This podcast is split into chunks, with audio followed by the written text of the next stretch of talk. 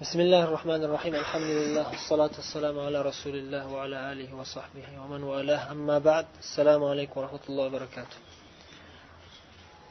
o'tgan darsimizda to'rtinchi hadisni o'qib to'xtagandik.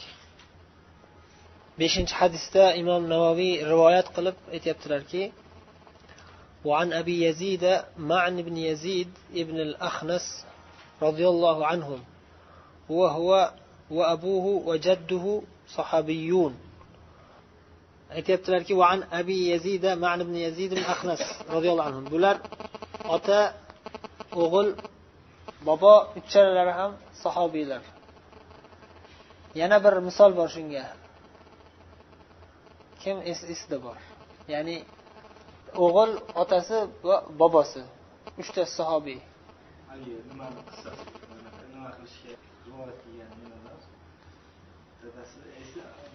hozir mana qarang bu yerda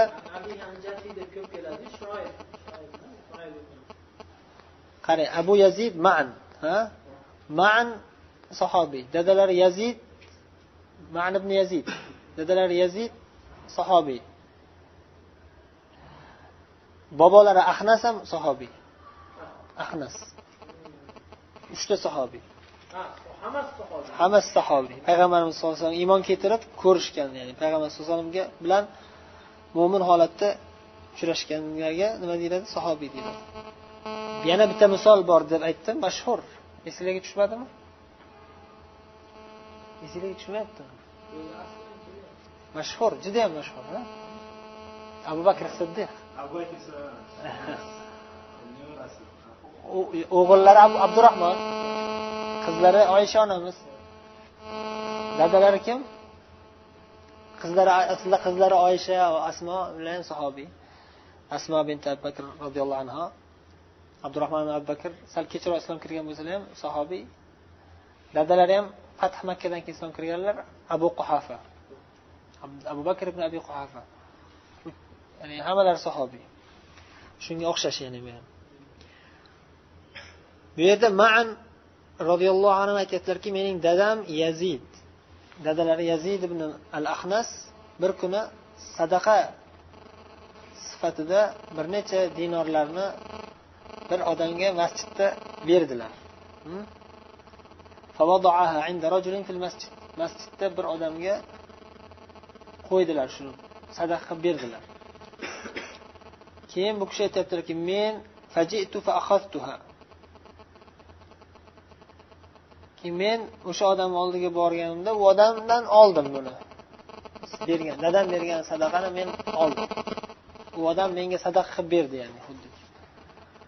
So'ramagan bo'lsalar ham endi bu yerda o'sha tafsilot aytilmayaptida qisqa aytilyapti. U berilgan sadaqani o'g'illari olib dadalariga olib keldilar. Dadamga qaytarib olib keldilar. Shunda dadalari g'azablari kelib xafa bo'lib aytdilarki faqola vallohi ma iyyaka arattu qasam allohgaki men senga deb senga tegishini iroda qilib sadaqa qilmagandim. Men o'sha odamga bergandim. U odamdan sen nimaga olding? deb e, achchiqlari keldi. Ila rasululloh sollallohu alayhi vasallam. Keyin bo'lmasam rasululloh sollallohu alayhi vasallamga borib aytamiz deb rasululloh sollallohu alayhi vasallamga borib muhokama qilishdi. Nima qilamiz? Mana shunday qildi mana o'g'lim bunday qilib qo'ydi. Men bergan sadaqani qaytarib olib keldi. Shunda rasululloh sollallohu alayhi vasallam aytdilarki laka ma navayta ya yazid va laka ma akhadta ya ma'an. Senga ham niyatingga yarasha bo'ladi ey yazid. Senga ham olganing halol ey man degan ma'noda javob berdilar. Imom buxoriy rivoyatlari. Ya'ni bu yerda yazid roziyallohu anhu sadaqa qilmoqchi edilar. O'shaning uchun boshqa odamga berib borib sadaqani berdilar masjidda. O'zlarini farzandlariga endi u nafaqa vojib. O'zlarini farzandlariga o'zi beradilar. Qo'llaridan kelgancha farzandlarini boqadilar. Undan ortig'ini boshqa odamga sadaqa sifatida berganlar. Shunda farzandlariga u odam bergan. Ya'ni allohu alam u kishi borib menga sadaqa bering demaganlar. Chunki sadaqa berib bering deb so'rashlik o'zi juda ham xunuk ish. Rasululloh sollallohu alayhi vasallamdan qaytarganlar hatto u odam o'zi behojat bo'lgan bo'lsa o'zlarini o'g'illariga beray deb turib o'zlarini o'g'illariga deb qaytarib berganda endi ma deb yoshroq yigit bo'lsalar haligi qilib men senga mana shu deb bergan. Dadang berdi u bu aytib o'tirmaganlar. Balki. Lekin dadalar bilganlar tani ko'rib bilganlar bu pul meni pulim edi man bergandim sadaqa qilib senga deb bermagandim buni o'sha odamga deb bergandim deb. Keyin oxiri rasululloh sollallohu alayhi vasallam e, bayon qilib aytdilar ikkovinglarga ham o'ziga yarasha e, hukmi bor. Ya'ni sadaqa deb bergan odam niyatiga yarasha ajr olaveradi. O'zini o'g'liga qaytib kelsa ham u pul. Va o'g'li agar olgan bo'lsa o'sha halol bo'lgan holatda u odam o'zi bergan bo'lsa shuni olgan bo'lsa u halol bo'ladi unga. Bu yerda e, sharhda bir qancha misollarni keltirganlar shu niyat ta'sir qilishini. Masalan bu yerda bu odam bir sadaqa deb turib berdi o'sha pul yana qaytib o'zini oilasiga qaytib keldi.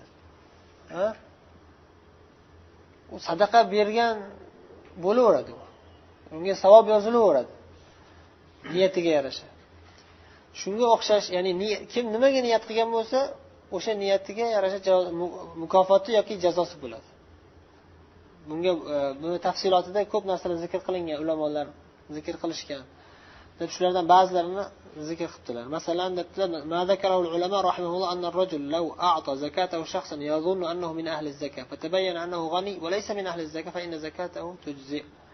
bir odam bir kishiga zakotini chiqardi. Mana zakotim turib zakotini berdi sadaqa qilib bir kishiga. Va u odamni kambag'al deb o'yladida yoki zakot ahlidan deb o'yladi. Kambag'al faqatgina kambag'al emas zakot ahli. Misol uchun o'zi boy odam bo'lsa ham bir shaharga kelgandan keyin pulini olib kelmagan olib kelgan puli tugab qolgan haligi joyda ibn sabil bo'lib qoldi. Ibn sabil degan bilasizlar musofir odam puli uyda qolib ketgan. O'zi boy odam. Hozir endi unaqa holatlar kam uchraydi. Uchrashi ham mumkin. O'zini vatanida boy lekin hozir musofirlikda puli qolmadi. Shu odamga zakot berish joiz. Qur'onda zikr qilingan sakkiz toifadan bittasi zakot va yana mujohidlar. Alloh yo'lida jihod qiladigan odam boy bo'lsa ham mujohid bo'lsa zakot beriladi. Va hokazo. Bu yerda aytyaptilarki bu bir odamga zakot ahlidan deb o'ylab beruvdi u zakot ahlidan emasligi ayon bo'ldi keyin. Zakotini berib bo'lgandan keyin. Zakotini berib bo'lgandan keyin bir botirga deganga bir bahodir degan bolaga bir pul beruvdi kambag'al deb o'ylovdi qarasa u o'zi yetarli puli bor ekan kambag'al emas ekan. Shunda hukmi nima bo'ladi? Qaytarib san boy ekansan zakotimni qaytarib berma boshqa odamga beraman deydimi? Yoki indamasdan ketaveradimi desa bo'ldi. Bergandan keyin qaytarib olib o'tirmaydi chunki bu zakot niyatiga yarasha zakot bergan bo'laveradi. Inshaalloh. Yana shunga o'xshash e, holatlardan biri aytyaptilarki bir uyni bir kishi vaqf qilmoqchi. Biz mana vaqfda o'tiribmiz vaqf uyda bir kishi vaqf uyi bir uyni vaqf qilmoqchi edida ikkita uy bor. Ha ikkita uyi borda e, bittasi o'ng tarafda turibdi bittasi chap tarafda turibdi misol uchun. O'ng tarafdagisi bir qavatli imorat. Chap tarafdagisi katta besh qavatli imorat. Shuni ikkalasidan bittasini vaqf qilib qo'ymoqchi talabalarga. Kattasi manga kerak bo'ladi bola chaqam ko'pda kichkinasini vaqf qilaman degan niyatda mana shu uyim vaqf deb turib katta katta uyga ishora qilib yubordi niyati kichkina uyga ishora qilmoqchi edi. O'ng tarafga chap tarafga ishora qilyapti mana shu uyim vaqf dedi. Shunda niyatda e'tiborga olinadi. E man kichkina uyni niyat qiluvdim. Yo'q san katta uyingga ishora qilding deb olib qo'yilmaydi katta uy. Kichkina uyingni niyat qilganmiding ha bo'pti kichkina uying vaqf bo'libdi deb niyati e'tiborga olinadi. Ishora qilgan emas. Yana masalan bir odam deyaptilar umra bilan haj farqini bilmaydi. Odamlar bilan hajga deb juda ko'p bo'ladi bu narsa. Bu shuni hukmini bilib qo'yishlik zarur. Mutamatti bo'lmoqchi. Umra qilib keyin haj qilmoqchi. Mutamattimi ha mutamatti ha va mutamatti deyapti. Tafsilotlarini bilmaydi ko'pchilik. Qanaqa haj qilmoqchisiz? Mutamatti bo'lmoqchimisiz qorin bo'lmoqchimisiz? Mufrid bo'lmoqchimisiz ha mutamatti deyaptiku man ham mutamatti bo'laveramanda deydi. Kelib turib hajga niyat qildim dedi o'zi aslida nima deyish kerak? Miqot kelganda labbayk allohuma umratan deyish kerak mutamatti bo'lsa. Umraga niyat qilish kerak? Umra qilib turib umradan chiqib sochini olib kiyinib keyin haj kutadi. Haj sakkizinchi kuni haj vaqti boshlanganda hajga niyat qiladi? Hajga deb. Birinchi kelayotganda miqotga yetib kelganda miqotda mutamatti bo'lib niyat qilsa ya'ni umraga niyat qiladi. Bu odam bilmaydida man mutamatti bo'lmoqchiman haj dedi. Labbayka hajjan dedi. Nima qilmoqchisiz? Sizni mutamatti qilmoqchi odam umra qiladi birinchi keyin haj qiladi. Bo'pti man niyat olinadi haj borgan bo'lsa ham e'tibori qalbga qaraladi. Qalbda mutamatti bo'lmoqchimi? Umra qilayotgan bo'ladi. Yana bir odam aytyaptilarki xotiniga san taloqsan dedi. Lekin bunisi sal ixtilofli masala bunisi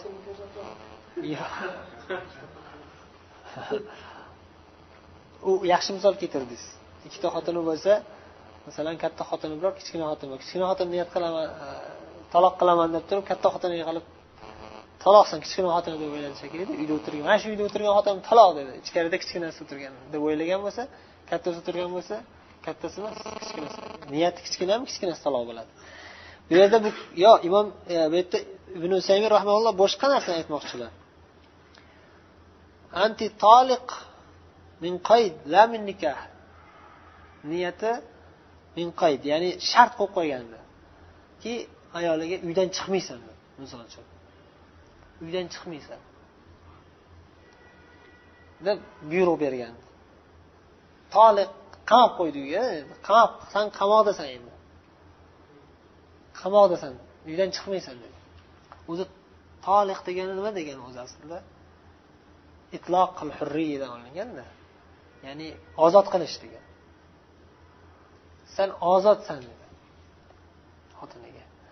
Ya'ni ozodsan degani bo'ldi men talog'im tushdi degani emas endi. O'zi aslida agar ibora ehtimolli ibora bo'lsa mana bular yaxshiroq bilishadi. Niyatga qaraladi san ozodsan bor ketaver desa misol uchun xotiniga. Ha? Niyatiga qaraladi niyati taloq qilish bo'lsa taloq tushadi. Niyati yo faqat masalan hurriyatini ma'lum bir darajada hurriyatini berish bo'lsa saloh tushmaydi. O'shanga o'xshagan masala bu yerda. Lekin agar toliq degan gap gapirsa ketdi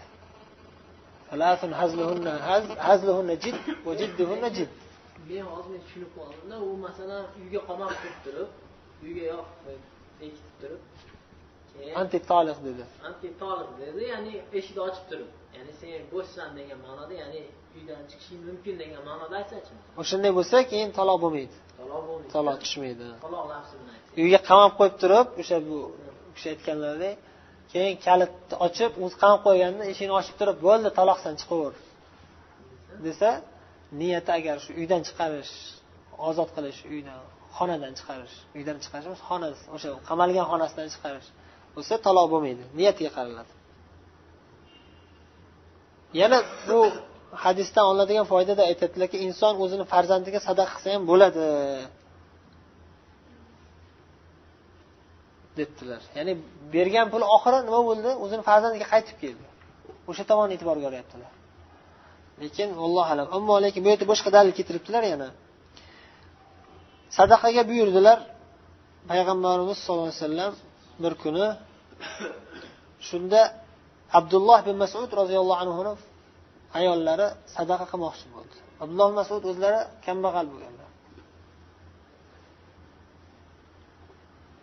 Shunda abdulloh masud ayollarini sadaqa qilmoqchiligini bilib ayollarga aytdilarki sen sadaqa qilmoqchi ekansan. Seni molingga eng haqli sen sadaqa qilsang bizga sadaqa qilgan eng haqli odam bizmiz. Sen va seni farzandlaring ering va seni ering va farzandlaring bo'ladi. Bizmiz. Desalar ayollar aytibdiki men rasululloh sollallohu alayhi vasallamdan so'ramaguncha to'xtab turinglar bermayman. deb. Keyin rasululloh sollallohu alayhi vasallamdan so'raganlarida rasululloh sollallohu alayhi vasallam ibn masudni so'zlarini tasdiqlab sodaqa ibn masud zavjuki va valaduki haqqu man tasaddaqti bihi alayhim seni ering va seni farzanding sen sadaqangga eng haqli insonlar dedilar. Lekin bu yerda ayol kishi o'zini eriga yoki o'zini farzandiga bersa chunki u ayol kishini bo'ynida emas o'zi asli ularni boqish. Ulamolar to'rtta mazhab ulamolar ittifoq qilishgan masala shuki zakotni kimga berib bo'lmaydi? O'zi boqishi farz bo'lgan odamga zakot bermaydi. Ularni o'zi shundoq ham boqishi shart o'zi. Ularga shundoq ham o'zi sadaqa emas umuman nafaqa berish shart. Ota o'zini o'g'liga zakot berishi mumkin emas. Chunki o'zini o'g'li boqishi kerak. Ota e, er o'zini xotiniga zakot berishi mumkin emas chunki o'zi boqishi kerak. Tushunarli masala. O'zi boqishi kerak bo'lgan o'zini o'zizni otangizga ham siz otangizga ham sadaqa berish boy farzand o'zini otasiga sadaqa bermaydi.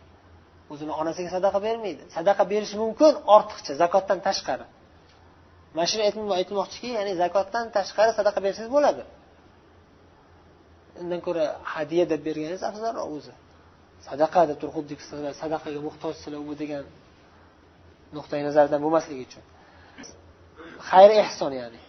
Xayr ehson qilishlik eng afzali payg'ambar rasululloh alayhi vasallam aytganlaridek o'zini qarindoshiga berishlik. Chunki nima dedilar? Rasululloh sollallohu alayhi vasallam aytdilarki